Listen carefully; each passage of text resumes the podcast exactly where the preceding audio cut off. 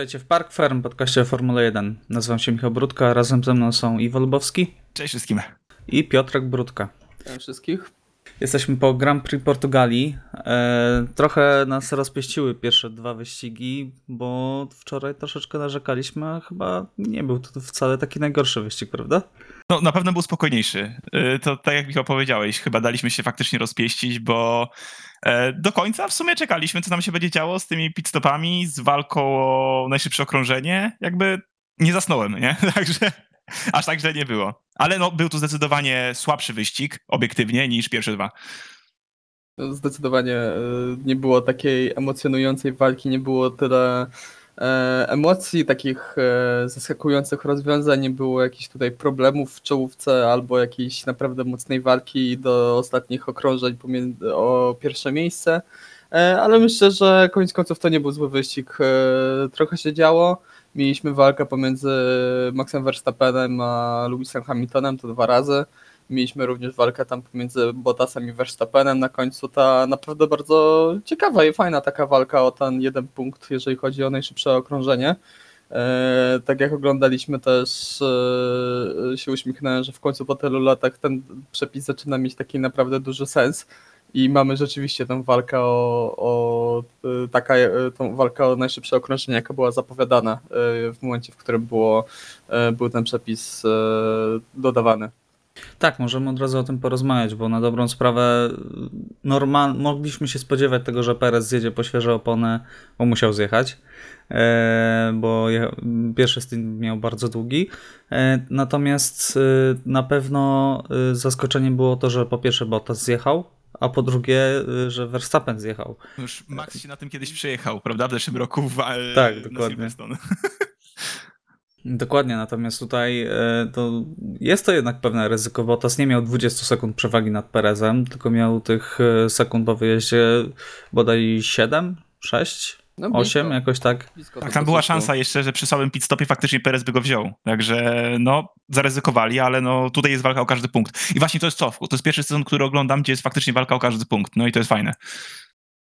Tak, też właśnie to, to widać, że Mercedes e, jest w pełni świadomy tego, jak mocny jest Red Bull i właśnie tym ściągnięciem Walteriego Bottasa to pokazali, że dla nich właśnie ten nawet dodatkowy punkcik za, e, za najszybsze okrążenie jest bardzo ważny e, i ściągnęli Walteriego Bottasa, podjęli to ryzyko, no i mieliśmy to takie dodatkowe, dodatkowe widowisko pod sam koniec. No właśnie, jak już rozmawiamy na temat Mercedesa i Red Bulla, to chyba będzie stały punkt naszego podcastu, e, od którego będziemy zaczynać w tym sezonie, e, czyli walka na szczycie, walka o tytuł e, między Mercedesami a Red Bullem. E, No w Portugalii no, Mercedes był szybszy, tak się wydaje, tak? Wygrali wyścig, wygrali kwalifikacje i zdobyli już taką całkiem sporą, jak na obecne warunki, tak, przewagę w klasyfikacji konstruktorów. Hamilton ma 8 punktów przewagi nad Verstappenem, także jak to skomentujecie? Jest to póki co trzeci wyścig, także ciężko wyrokować. Raz Red Bull, raz, raz Mercedes. No, fajne jest to jednak, że mimo dużej przewagi, e, którą miał przede wszystkim Lewis nad, e, nad resztą stawki, e, Max był w stanie się w miarę sensownie trzymać, ponieważ on tam chyba miał, bardzo długo trzymał się w 5 sekundach i tak naprawdę nie odpuszczał.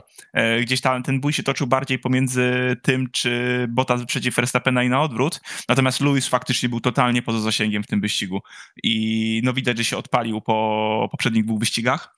E, No i co powiedzieć, no inny tor, inna charakterystyka e, zupełnie e, niż na przykład w ostatnim wyścigu, ale no mówię, no ciężko tutaj wyrokować. Mam nadzieję, że w kolejnym wyścigu zobaczymy gdzieś tam walkę faktycznie regularną o, na torze, ale no to jest dalej Mercedes, prawda? Nie zapominajmy, że nie możemy dać się zachłysnąć, prawda, że Red Bull faktycznie znalazł tempo, że regulacje trochę są faktycznie pod Red Bulla, natomiast dalej walczą z Mercedesem. Okej, to jak skomentujecie słowa Nico Rosberga, który powiedział, że jego zdaniem e, Red Bull miał tutaj lepsze tempo, a zadecydowały błędy Verstappena głównie o tym, że e, wygrał Hamilton zarówno, e, znaczy Bottas wygrał kwalifikację, natomiast wyścig wygrał Hamilton. Hmm, tutaj co, co do wyścigu, szczerze powiedziawszy, ja, ja nie wiedziałem jakichś wielkich błędów Maxa Verstappena, szczerze powiedziawszy. W pełni się zgodzę, jeżeli chodzi o wyścig, tfu, o kwalifikację, że tam po prostu Max po raz drugi weekend z rzędu na własne życzenie nie zdobył tego pole position e, i tutaj mocno zawinił, po raz kolejny wyjechał poza tor, bo przecież to jedno to kółko, które miał e, mimo tego błędu, które miał usunięte, to było mniej więcej jedną dziesiątą szybsze od czasu Walteriego Bottasa, także powinien startować z pierwszego pola, no ale nie wiem, czy aż tak dużo by dało to w, w niedzielę w trakcie wyścigu. E, Ciężko oczywiście tutaj, e, tutaj dawać jakieś rokowania i tutaj mówić, że na pewno by wygrał wyścig, na pewno miałby o wiele większe szanse niż miał. Ja jestem jedynie ciekawy, czy to e, na ile wpływ miało, miały poprawki jakieś Mercedesa i to, że Mercedes, tak jak się spodziewaliśmy, będzie się poprawiał z weekendu na weekend, a ile to, że po prostu dosyć specyficzne warunki panowały na tym torze, było bardzo śliski asfalt. E, Był I było również, bardzo wiecznie. było bardzo wiecznie, co swoją drogą dość niedorzecznie brzmi, biorąc pod uwagę, że mówimy o najbardziej zaawansowanych e, samochodach wyścigowych na świecie, a mocniejszy wiatr i te samochody już mają, mają problemy.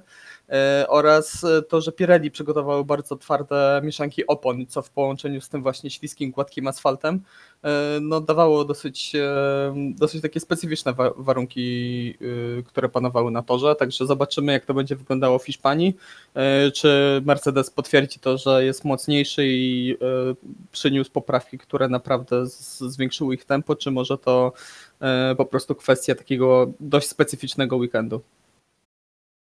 No właśnie, wers- różne sygnały, że tak powiem, dochodzą, bo już czytałem różne komentarze o tym, że y, Mercedes odkręcił silnik No. po dwóch, po dwóch wyścigach pierwszych. No na prostych było to widać e, i też chciałem powiedzieć, że na prostych no brakowało mocy tutaj Hondzie. Że mimo, bardzo często mimo, że Max Verstappen był, wjeżdżał na tą długą, prostą start meta i miał, nie wiem, 60 straty e, do rywala e, przed nim, to mimo, że miał odpalony system DRS, to nie, nie zbliżał się tak bardzo, nie zbliżał się na tyle, żeby spróbować zaatakować.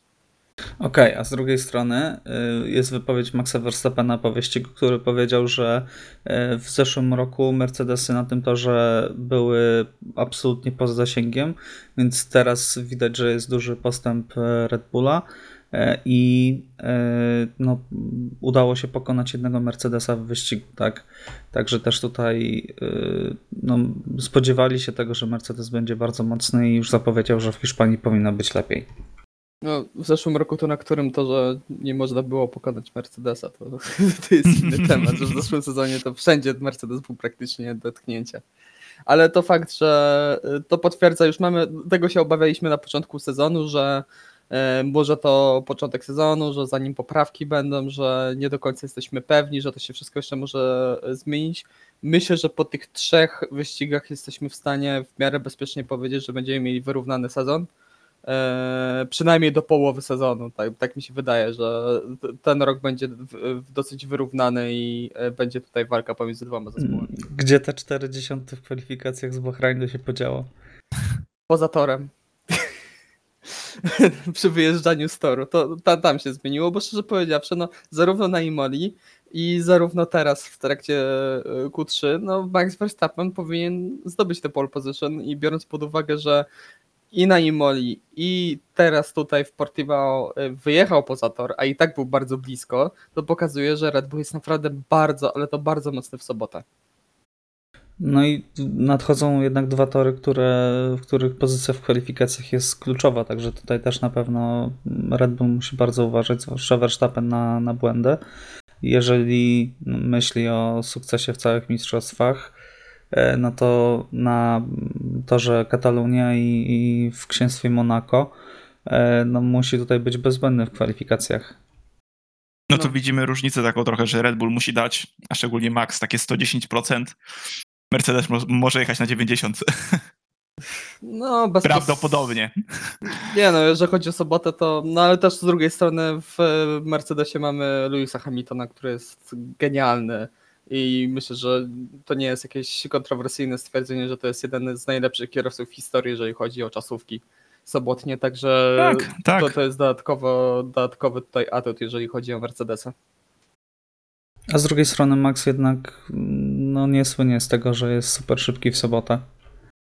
No, jest, e, jest szybki w sobotę, potrafi wykręcić bardzo duże kółko, bardzo szybkie kółko, ale często błędy popełnia w sobotę. To No jest takim polsiterem od niedawna tak naprawdę stosunkowo, prawda? Gdzieś Mhm. te, te, też te kółka szybkie kręci tak naprawdę kiedy miał chyba pierwsze Węgry? 2019 Węgry, tak.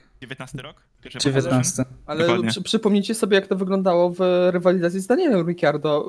Y, Max Verstappen miał parę y, sytuacji, parę y, właśnie czasówek, gdzie przegrał pole position, gdzie miał być właśnie wtedy najmłodszym zdobywcą y, pole position w historii Meksyk, Formuły 1. tak, tak. Tak, i tracił te pole position z własnej winy, przez to, że popełniał błędy, albo nie jechał wystarczająco, albo odpuszczał trochę, albo e, była żółta flaga i zamiast odpuścić, to jechał na maksa.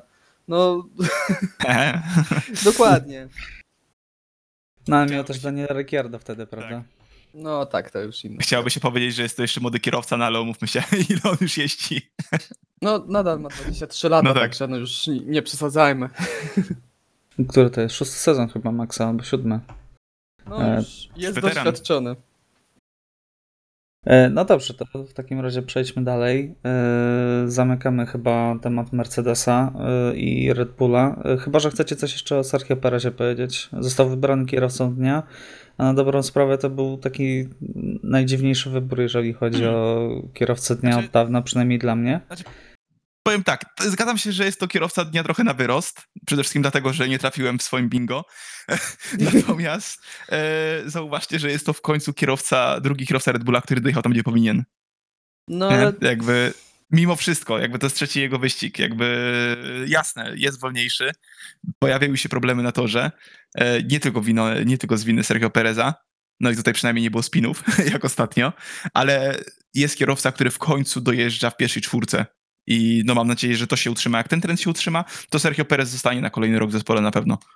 E, Tylko, że dla mnie drugi kierowca Red Bulla, zwłaszcza biorąc pod uwagę, jak szybki jest Red Bull, to już nie może dojeżdżać na czwartym miejscu. On Wiem. musi naciskać na miejsce trzecie i dawać e, tą taktyczną przewagę, bo głównie o to chodzi, tak? Wiem. Żeby dawać taktyczną przewagę i naciskać na, na Mercedesa. Jednak Mercedesy we dwójkę mogli jakoś rozgrywać e, Maxa Verstappena, pomagać sobie, a Max był no, sam, tak? Bo Perez utknął za Norrisem przez pierwszą część No. wyścigu. Jest to trzeci wyścig, każdy wyścig w innych warunkach, jakby na razie uważam, że jest całkiem w porządku. E, Ja wiem, że też Gasliemu bardzo długo dawałem czas, mówiłem poczekajmy, zobaczymy, ale no tutaj widać różnicę jednak olbrzymią, to jest przepaść mimo wszystko E, i no po trzech wyścigach wydaje mi się, że i tak jest takie 7 na 10.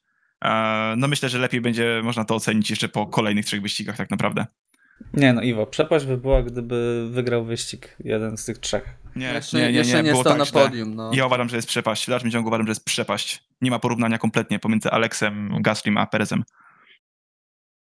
Myślę, że tutaj trochę nad, nad dajesz, bo szczerze powiedziawszy, no jasne, y, jest y, o wiele pewniejszy Sergio Perez, ale z drugiej strony no, wyścig na Imoli no, był bardzo słaby i popełniał tam Czeko bardzo dużo błędów. Oczywiście pierwszy raz e, na mokrym torze w tym samochodzie możemy w pełni wybaczyć e, takie błędy, ale tutaj e, w Portimao no, nie pojechał nic fantastycznego. Stracił pozycję na rzecz Landon Norrisa, później zajęło mu parę okrążeń, żeby, żeby go wyprzedzić, a koniec końców to i tak to wyglądało, że Landon Norris w ogóle się nie bronił, tylko oddał tak jakby mu tą pozycję ze względu na strategię, żeby oszczędzać opony. E, I na dobrą sprawę, w momencie, w którym Czeko wy, wyprzedził Landon Norrisa, no to tracił do pierwszej trójki już jakieś 8-9 sekund.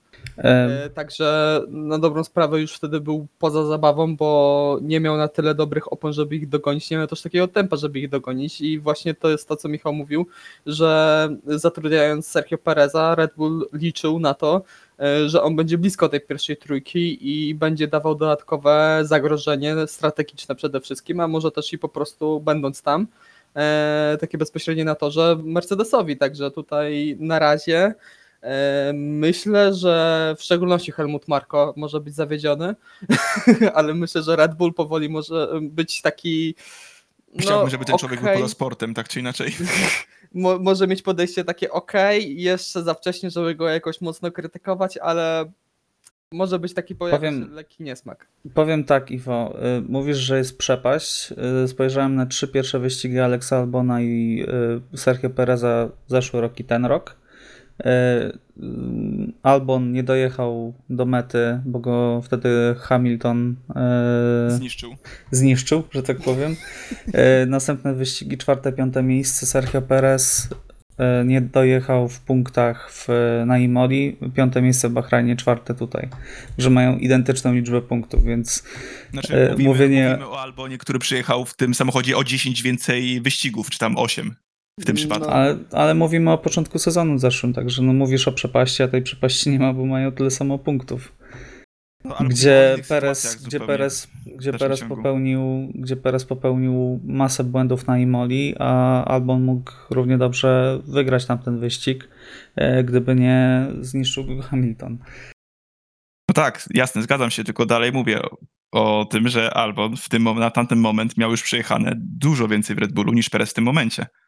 No dobrze, a Perez jest 10 lat w Formule 1, także no to też... No, sam, no ale sami widzimy, jak, jest, jak jeździ, albo przynajmniej jak jeździł w ostatnich latach Red Bull, nie? I jaki jest samochód. Także No, no, Za wcześnie, za, jest za wcześnie, żeby skreślać moim zdaniem e, Czeko i też jest trochę za wcześnie, żeby go tutaj mówić, że jest jakaś wielka poprawa. Zobaczymy jak to będzie wyglądało, bo też e, moim zdaniem tutaj potrzebu, potrzebna jest regularność. Jeżeli będzie dojeżdżał rzeczywiście regularnie na tym czwartym miejscu, no to jest to takie moim zdaniem takie absolutne Minimum. minimum.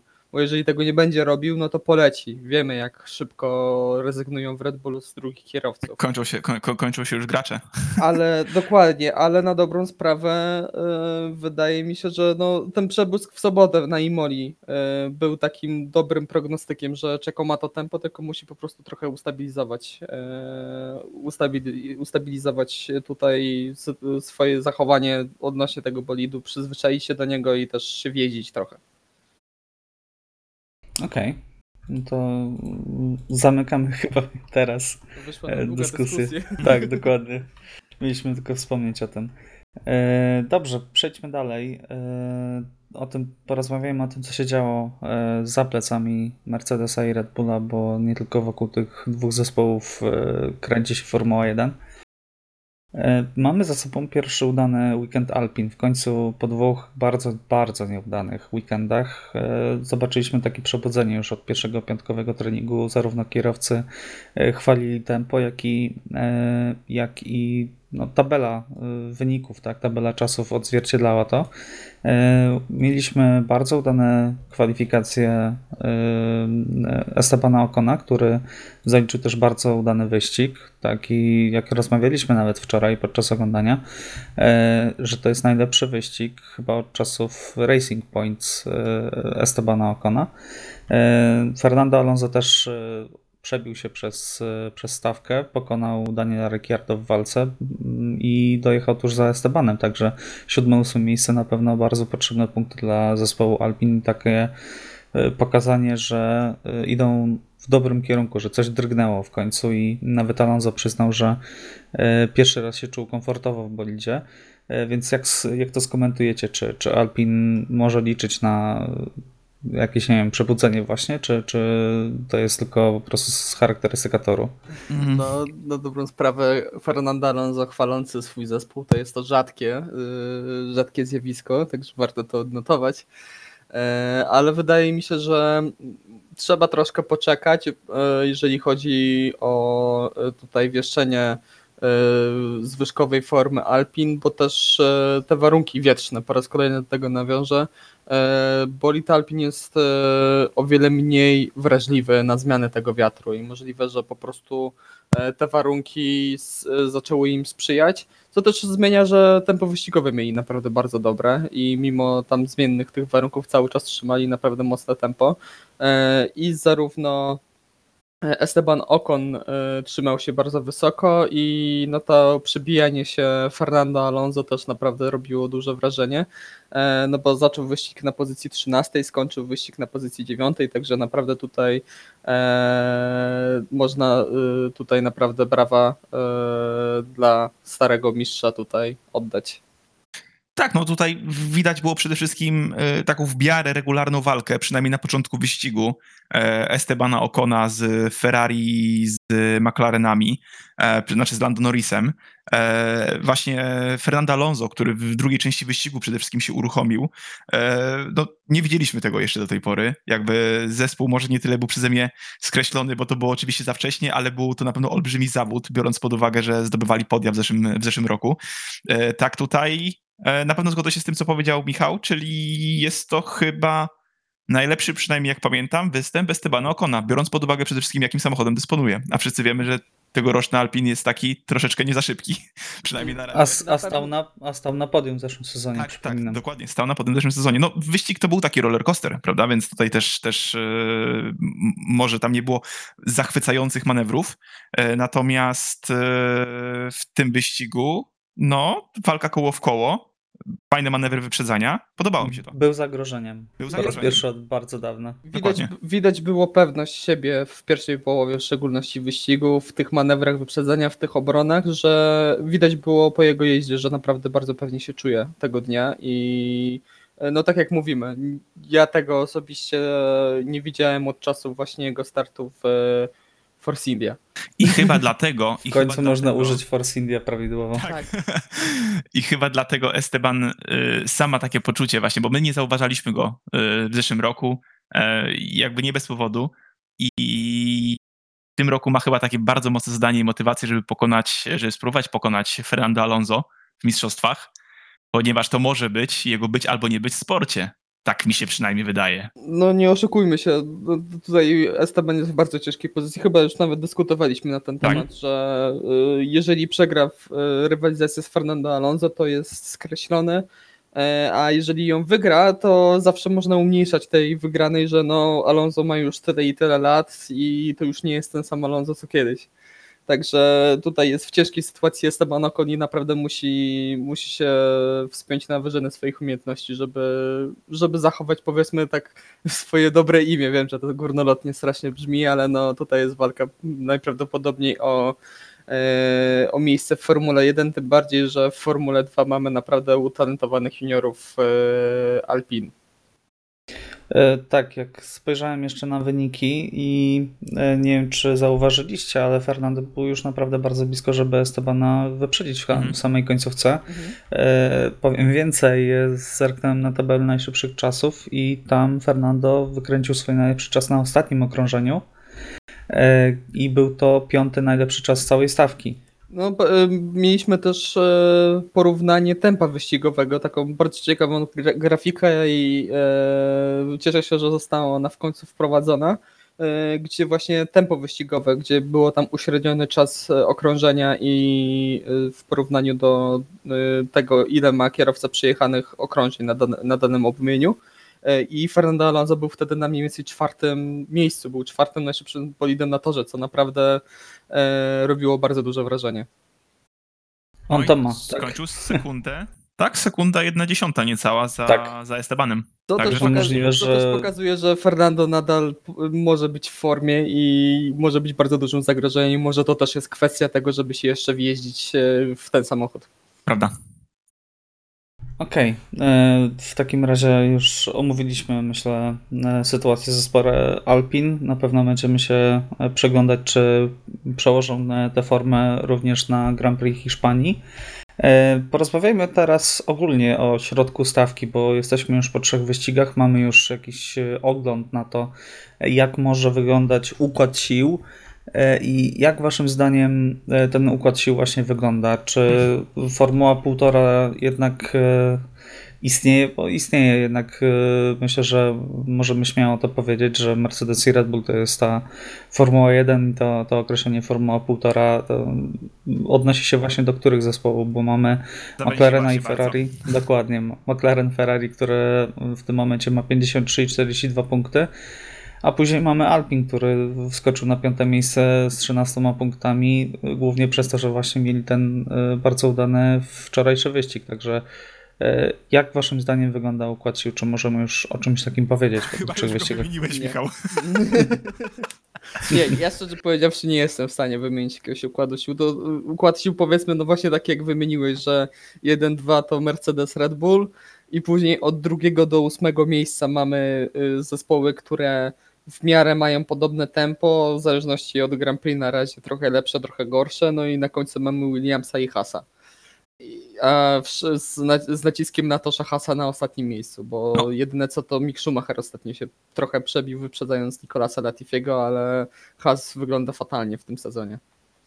No jakbyśmy byli w pewnej części zeszłego sezonu, to w tym miejscu mielibyśmy w Formule 1,5 McLarena, Alpine, Astona Martina, Ferrari gdzieś tam walczącego jeszcze w niektórych momentach. No na, na Natomiast- pewno z, z tej Formuły półtora moim zdaniem najbardziej równymi zespołami jest McLaren właśnie i, i Ferrari.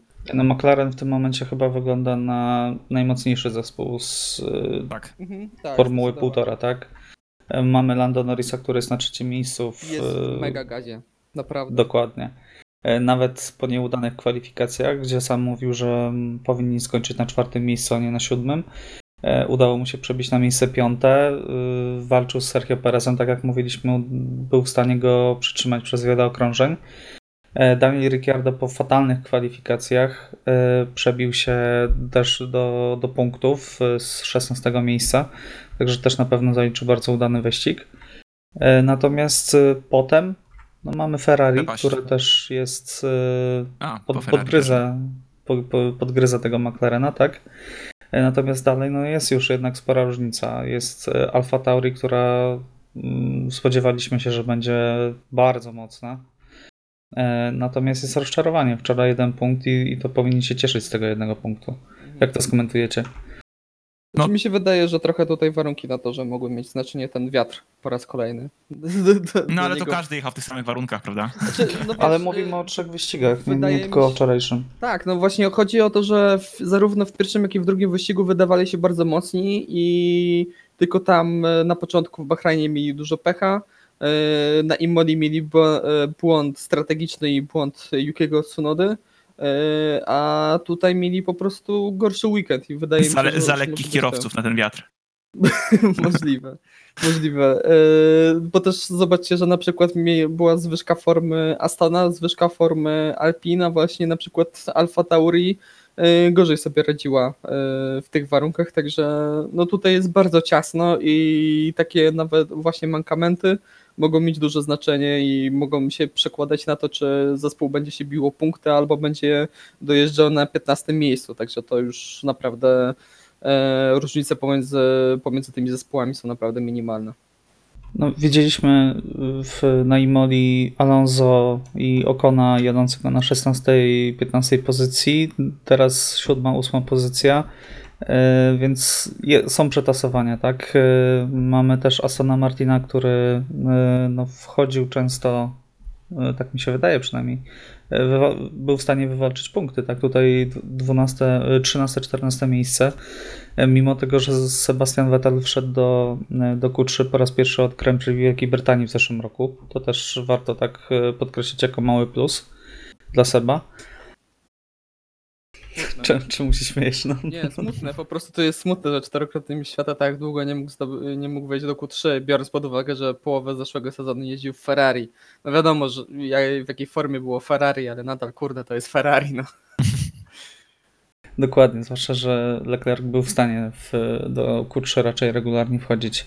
Ale zostawmy już poprzedni sezon. Także mamy te przetasowania, ale jednak e, no, McLaren w większości przypadków i Ferrari e, jest w tych punktach, prawda? Tak.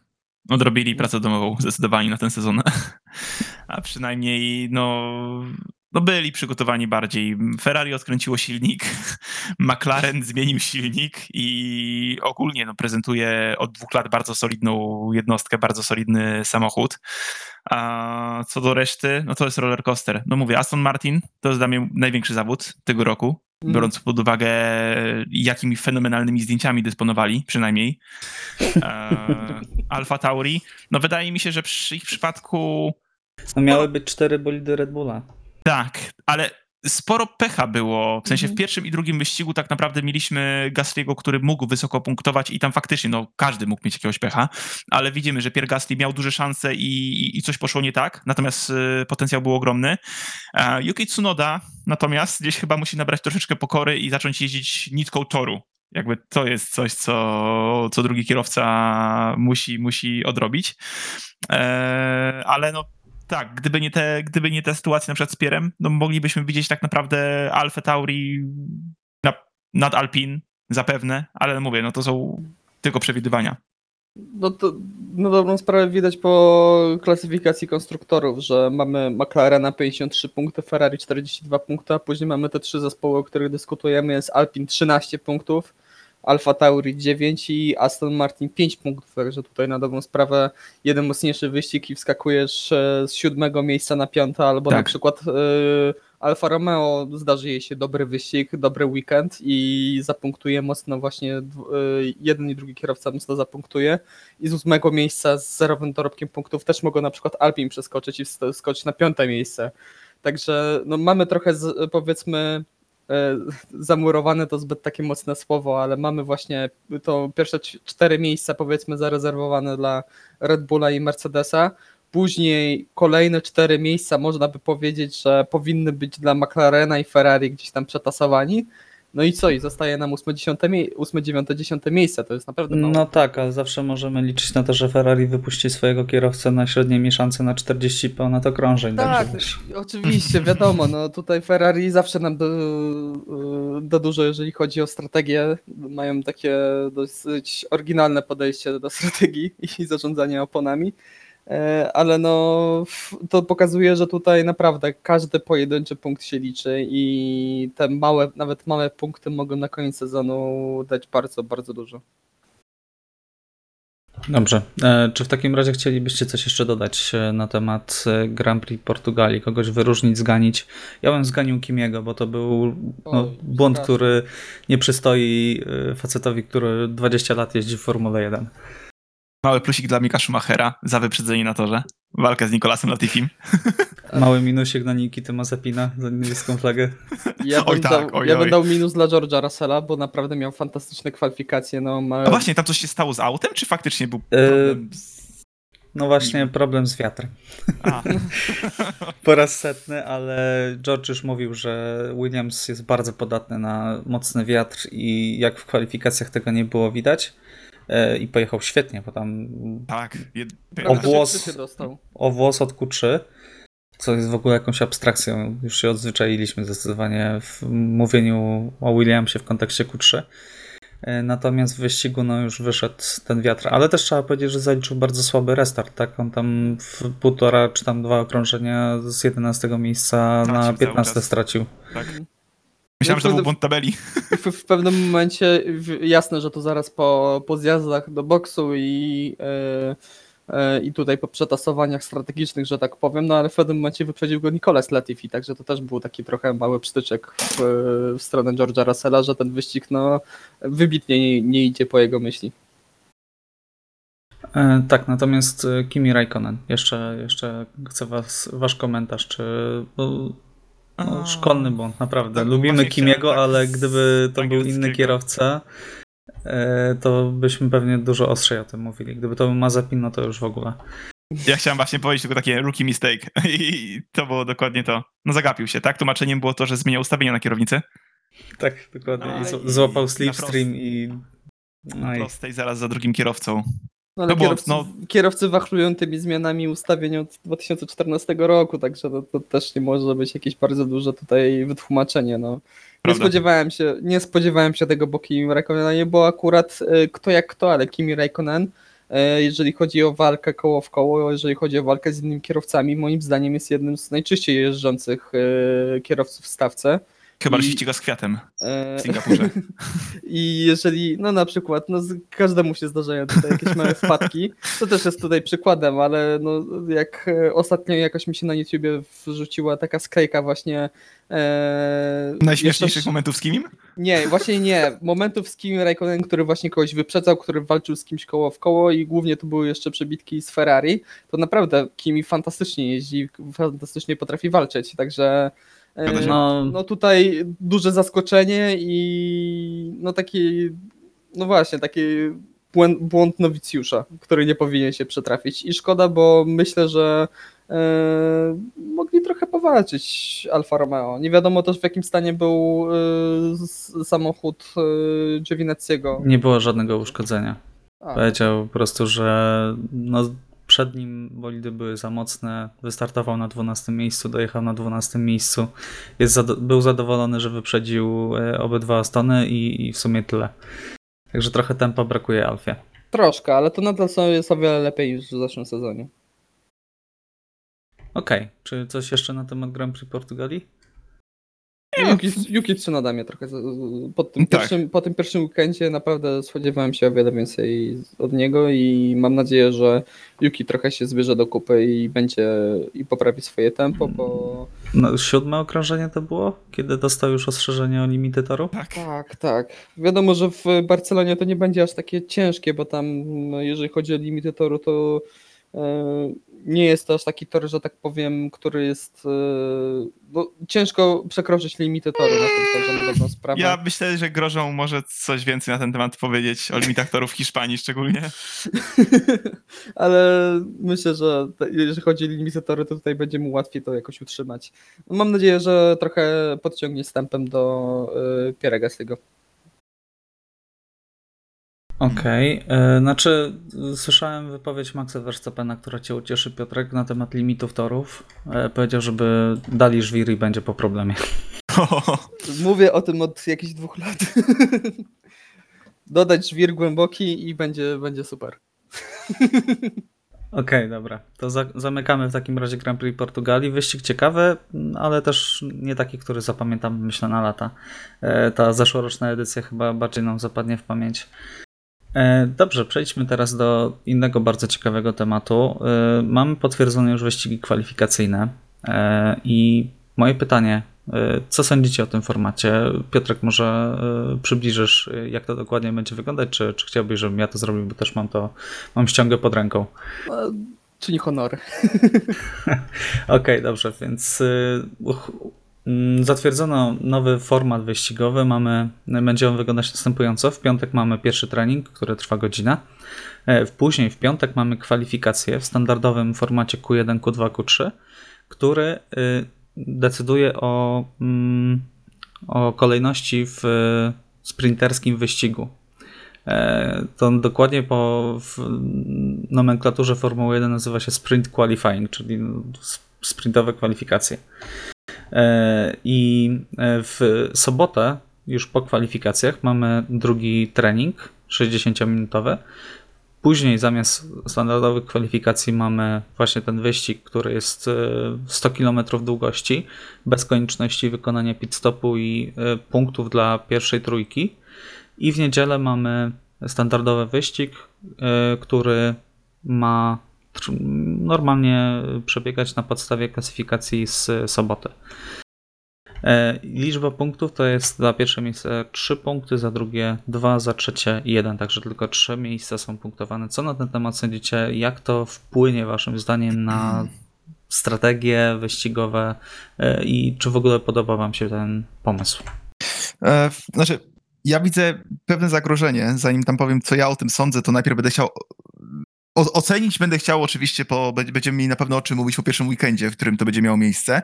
Natomiast ja widzę pierwsze zagrożenie przede wszystkim, jeżeli chodzi o fundusze zespołów i ograniczenia budżetowe i tym, z czym mogło się wiązać dodatkowe ryzyka sytuacji oraz zużycie samochodów i, i części przy wyścigu, na którym na pewno będzie dochodziło do kolizji, bo nie wierzę, żeby kierowcy się oszczędzali, mając szansę zakwalifikować się na wyższej pozycji, szczególnie jeżeli mówimy o tych kierowcach z, z drugiej połowy stawki. E, I pff, to jest pierwsza rzecz, która jest, że tak powiem, bardziej ryzykowna dla zespołów. Rzecz, która dla nas może być odczuwalna bardziej albo mniej, gdyby to weszło jako standard na przykład. Wydaje mi się, że taka niedziela wyścigowa będzie miała mniej magii. Wiem, że to jest może trochę głupie, co ja teraz mówię, ale jeżeli faktycznie w każdym wyścigu mielibyśmy, w każdy weekend wyścigowy mielibyśmy właśnie sprint qualifying, to trochę straciłoby to uroku. Znaczy, od razu ci wtrącę, Iwo, nie będzie. Nawet No jeżeli ten trzy. format będzie zatwierdzony, to na pewno już zapowiedziano, że nie na każdym torze to będzie. Bo teraz mamy w tym roku ile? Trzy takie e, kwalifikacje, Tak, z tego co kojarzę tak, dokładnie. trzy. Będzie Monza, będzie... Wielka Eee, Brytania, Wielka Brytania Silverstone i prawdopodobnie Brazylia. Nie jest to potwierdzone. Mhm. Okej.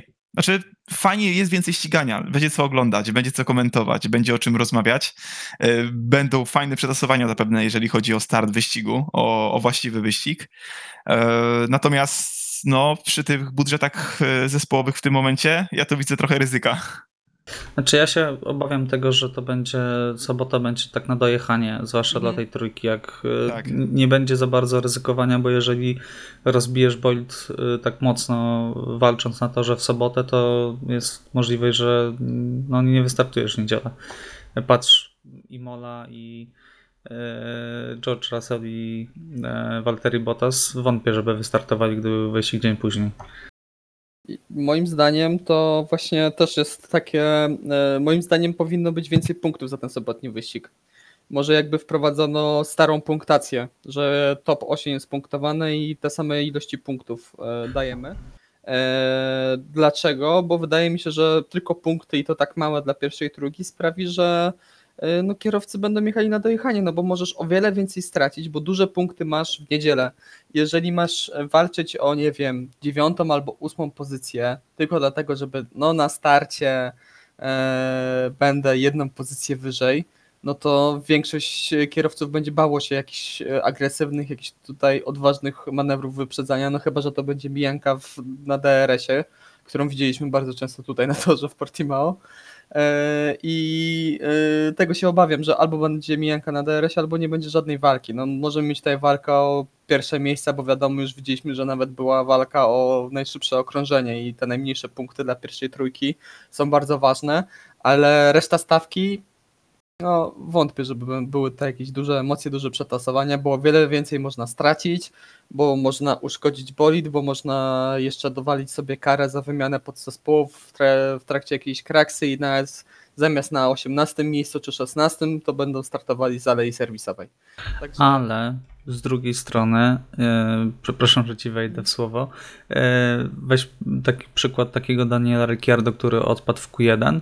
E, w sobotę ma okazję już e, poprawić swoją pozycję przed właściwym wyścigiem i może się przebić do góry. E, Co z jednej strony może mu pomóc i dodać więcej emocji w sobotę, ale z drugiej strony odebrać emocje w niedzielę, bo już będzie wyżej.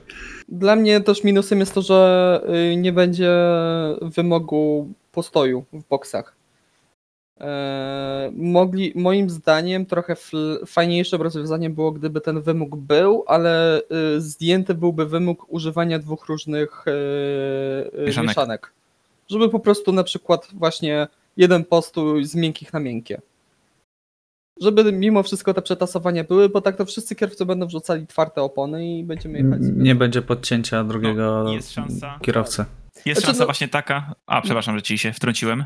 Znaczy, też tutaj zaczynam brzmieć strasznie pesymistycznie, że to jest fatalny pomysł i w ogóle nie powinien mieć miejsca. Nie chcę, żeby to tak wybrzmiało, e, bo myślę, że Formuła 1 powinna e, szukać rozwiązań, żeby e, przygarnąć coraz więcej, coraz większą widownię, w szczególności tą młodszą widownię, e, dla której, no nie oszukujmy się, no, skupienie się na siedzenie półtora, półtorej godziny przy takim wyścigu, jak chociażby nawet w Portimao, którym mówiliśmy, że nie był taki zły, no to dla większości młodych widzów będzie no po prostu mega nudny i ich to w ogóle nie, nie przyciągnie do tego sportu. Zwłasz- Zwłaszcza jeżeli odpalą wyścig po obejrzeniu Drive to Survive i oglądaniu jak e, Roman Grożan jest w płonącym bolidzie przez półtorej minuty. Dokładnie, także tutaj y, myślę, że to jest y, dobrze, że Formuła 1 szuka rozwiązań i myślę, że warto coś takiego spróbować. Tym bardziej, że już dyskusja była bardzo długa na ten temat i mieliśmy o wiele gorszych pomysłów w historii Formuły 1, jak chociażby ta y, kwalifikacje z eliminacją czasową. Także y, zobaczymy. Jestem ciekawy, jak to wyjdzie. Nie jestem przekonany, czy Silverstone to jest najlepszy tor, żeby coś takiego dać, żeby właśnie tam to testować. Monca jak najbardziej, no ale zobaczymy jak to wyjdzie w praniu. Iwo, e, czy A, masz coś tak. jeszcze do dodania No, tutaj? To, to właśnie to ryzyko takie, z, które widziałem, czyli ta teoretyczna sytuacja. Mamy na przykład te piątkowe, faktycznie szalone kwalifikacje w deszczu. Kierowcy kończą kwalifikacje na każdym możliwym miejscu. E, I faktycznie w sobotę wszystko się wyjaśnia. Kierowcy kończą tak samo, jakby skończyli w niedzielę. I prawda, prawda jest taka, że w niedzielę mamy po prostu mniej sytuacji do wyprzedzania, mniej kierowców ze sobą walczy, ponieważ no, wszyscy są ustawieni względem tego, jak faktycznie mają ustawiony samochód pod ten tor, niezależnie od, od piątkowych kwalifikacji. I no, to jest to chyba największe ryzyko tak naprawdę, że kierowcy już się ustawią tak, jak skończą. Natomiast weźmy pod uwagę, że kwalifikacje są w piątek i też mogą być różne przetasowania, bo na przykład ktoś nie trafi z ustawieniami Tak. w pierwszym treningu i nie ma drugiego i trzeciego treningu na poprawienie tych ustawień. Także natomiast po kwalifikacjach ma szansę jeszcze na e, drugim treningu e, w sobotę rano e, tak ustawienia poprawić. Także to, to, to też jest czynnik, który musimy wziąć pod uwagę. No zobaczymy, zobaczymy. Musimy raz zobaczyć, można, y, zaraz zobaczyć pełen weekend, chociaż jak w piątek będą kwalifikacje, to mam wrażenie, że tych kwalifikacji nie obejrzę. Natomiast co zrobić? No ciekawe, o której godzinie będą, tak? Właśnie. Oby po 17. Aczkolwiek raczej niewykonalne. No dobrze, czy, czy macie coś jeszcze do dodania w tym temacie? Chyba, musi, ch- ch- chyba będziemy dłużej rozmawiać na ten temat, jak już będziemy po, po y, Silverstone. Jak, jak to się mówi, poczekamy, zobaczymy, pożyjemy i zobaczymy jak to wyjdzie w praniu. Fajnie by było jakby wyszło naprawdę pozytywnie i rzeczywiście dało dużo dodatkowych emocji. Ja jestem dość sceptycznie nastawiony, ale zobaczymy, też nie skreślam tego na starcie. Okej, dobrze, w takim razie czekamy na e, Silverstone. Nie będziemy chyba za długo czekać, bo Silverstone w lipcu, także e, będzie już e, niedługo okazja przekonać się, jak to, jak to wyjdzie w praniu. Natomiast to, co nadchodzi, to, co przed nami, to Grand Prix Hiszpanii już w ten weekend, tak, niestety, znaczy niestety, z jednej strony tor, który jest obecny w Formule 1 od bardzo, bardzo dawna i który zawsze kojarzyłem z taką z takim fajnym rozpoczęciem e, europejskiej części sezonu. E, no, z drugiej strony, no, świetnych wyścigów tutaj za dużo nie było, prawda? Czego się spodziewacie po Grand Prix Hiszpanii? Małej ilości wyprzedzeń. I wyprzedzeń głównie pod DRS-em. I to tym DRS-em startowym, który i tak nie jest gwarantowany ze względu na, na to, że no nie, te, te bolidy nie są w stanie, a raczej ostatnie lata nie pokazały, żeby te bolidy były w stanie ze sobą walczyć koło w koło na tym torze. Już ta prosta robi się za krótka, żeby się wyprzedać powoli. Także obawiam się po prostu, że będzie troszeczkę pociąg. Ja zrobię to samo, co zrobiłem przed weekendem w Imoli. Będzie super. Słuchajcie, nie, słuchajcie.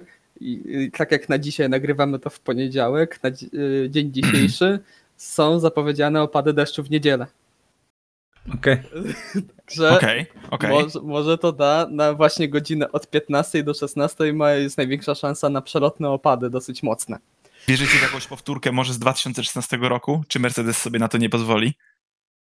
Mnie osobiście wystarczyło. Nie no, Iwo, serio, o czym my rozmawiamy? No ja czy... naprawdę chcę jakoś to uatrakcyjnić. No może coś takiego się stanie. W końcu. Wątpię, żeby tutaj, Bottas 9-0. żeby Lewis Hamilton był tak zdesperowany, żeby wyprzedzić Walteriego Bottasa po, po, po trawie. On po prostu poczeka ze dwa okrążenia Aż i objedzie go po zewnętrznej. O, już bez przesady, bardzo dużo kierowców wykonywało ten sam manewr, w szczególności na, yy, na Carlosie, także tutaj yy, no, słabo to wyglądało, jasne, ale no po prostu no, Hamilton jest yy, naprawdę genialny, jeżeli chodzi o zarządzanie oponami i trzymanie tempa, bo to, że już krzyczy, że już opony są do niczego, To znaczy, 15 okrążeń później dopiero się docierają. najszybsze okrążenie Dokładnie. wykręca. Chociaż też widzieliśmy, że trzyma bardzo wysokie tempo, a nawet na tych powtórkach w zwolnionym tempu, tempie widzieliśmy, że te opony naprawdę widać było, że są mocno zjechane. Także tutaj Lewis Hamilton naprawdę po raz kolejny czapki z głów za zarządzanie oponami.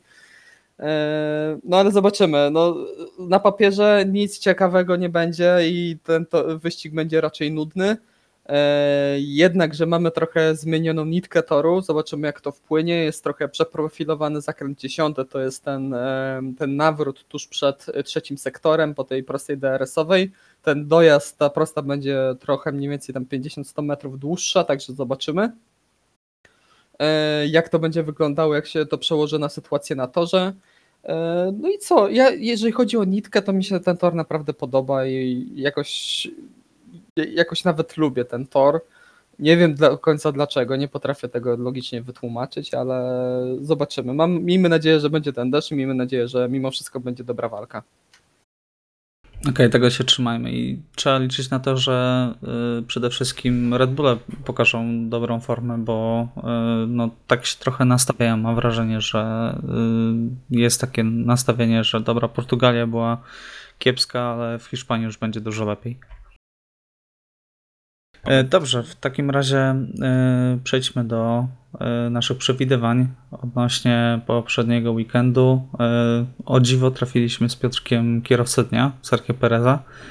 Piotrek dodatkowo trafił Louisa Hamiltona jako zwycięzcę wyścigu. Iwo postawił wszystko na Maxa Mhm. Verstappena, więc punktów zero. Piotrek wychodzi na prowadzenie 3 punkty, ja i Iwo mam po 2 punkty na razie. Do zdobycia było dużo więcej, 9 punktów, także idzie nam świetnie. E, Słucham te- te- panowie. Ten tak? sezon jest o wiele cięższy, jeżeli chodzi o przewidywania, bo tutaj na, jeżeli chodzi o sobotę, nam się w, wplątał Valtteri Bottas, także e, Tak, w, w zeszłym trzy- sezonie można było cały sezon stawiać w ciemno Hamiltona i w sumie ja to robiłem przez e, naprawdę większość zeszłego roku i koniec końców wygrałem, także w tym sezonie będzie o wiele ciężej. E, Tak, mamy trzy em, kwalifikacje i trzech różnych zwycięzców na razie, także e, Czako, twoja kolej. E, Iwo, jak przewidujesz, kto wygra e, wyścig, kto wygra kwalifikację, kto zostanie kierowcą dnia? Okej, e, to tak. Kwalifikację wygra Max Verstappen, Okej. wyścig wygra Valtteri Bottas, a kierowcą dnia zostanie Daniel Ricciardo.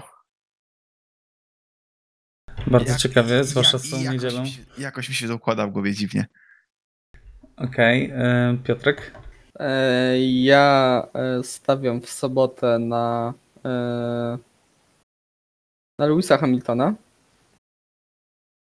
Tak. W niedzielę stawiam na Maxa Verstappena, no i kierowcą dnia zostanie Max Verstappen. Okej. E, Wątpię w e, kierowcę dnia Verstappena, bo jednak e, w momencie, w którym e, Max e, jest już w gronie faworytów, to jego zwycięstwa taki są... fanbase. No, gdyby wygra- miał taki ogromny słuchaj, no fanbase, to by w każdym wyścigu wygrywał Mm, kierowcę dnia. No ale no tak było długo, ale teraz nie wygrywa wyścigów, także jak wygra wyścig, no to to już jest automatycznie, to już nie wiem, co by się musiało z tyłu dziać. Perez mógłby, musiałby ostatni wystartować i dojechać trzeci. Albo Ricciardo skończyć na podium. Albo. Dobrze, ja stawiam na, w kwalifikacjach na Louisa Hamiltona, w wyścigu na e, Maxa Verstappena, natomiast kierowcę dnia e, typuję, że będzie Lando Norris. E, Więc tak to wygląda z mojej strony. Mm, I kończymy w takim razie rozmowę o Grand Prix Portugalii. E, Czekamy na e, kolejny wyścig. E, Teraz też tak myślę, że będziemy musieli trochę zmienić ten format naszego e, przewidywania, jak będzie wyścig sobotni. Trzeba będzie jakoś to wykombinować. To jest też kolejna rzecz, kolejna zmiana, na którą możemy trafić albo nie trafić, raczej nie trafić. Także bonusowe możemy zgarnąć. dokładnie tak. E, Dziękujemy w takim razie Wam e, bardzo za uwagę. E, Na temat Grand Prix Portugalii rozmawiali Piotr Brudka, Dziękuję bardzo. Iwo Lubowski Dzięki wszystkim. i Michał Brudka. Trzymajcie się, cześć.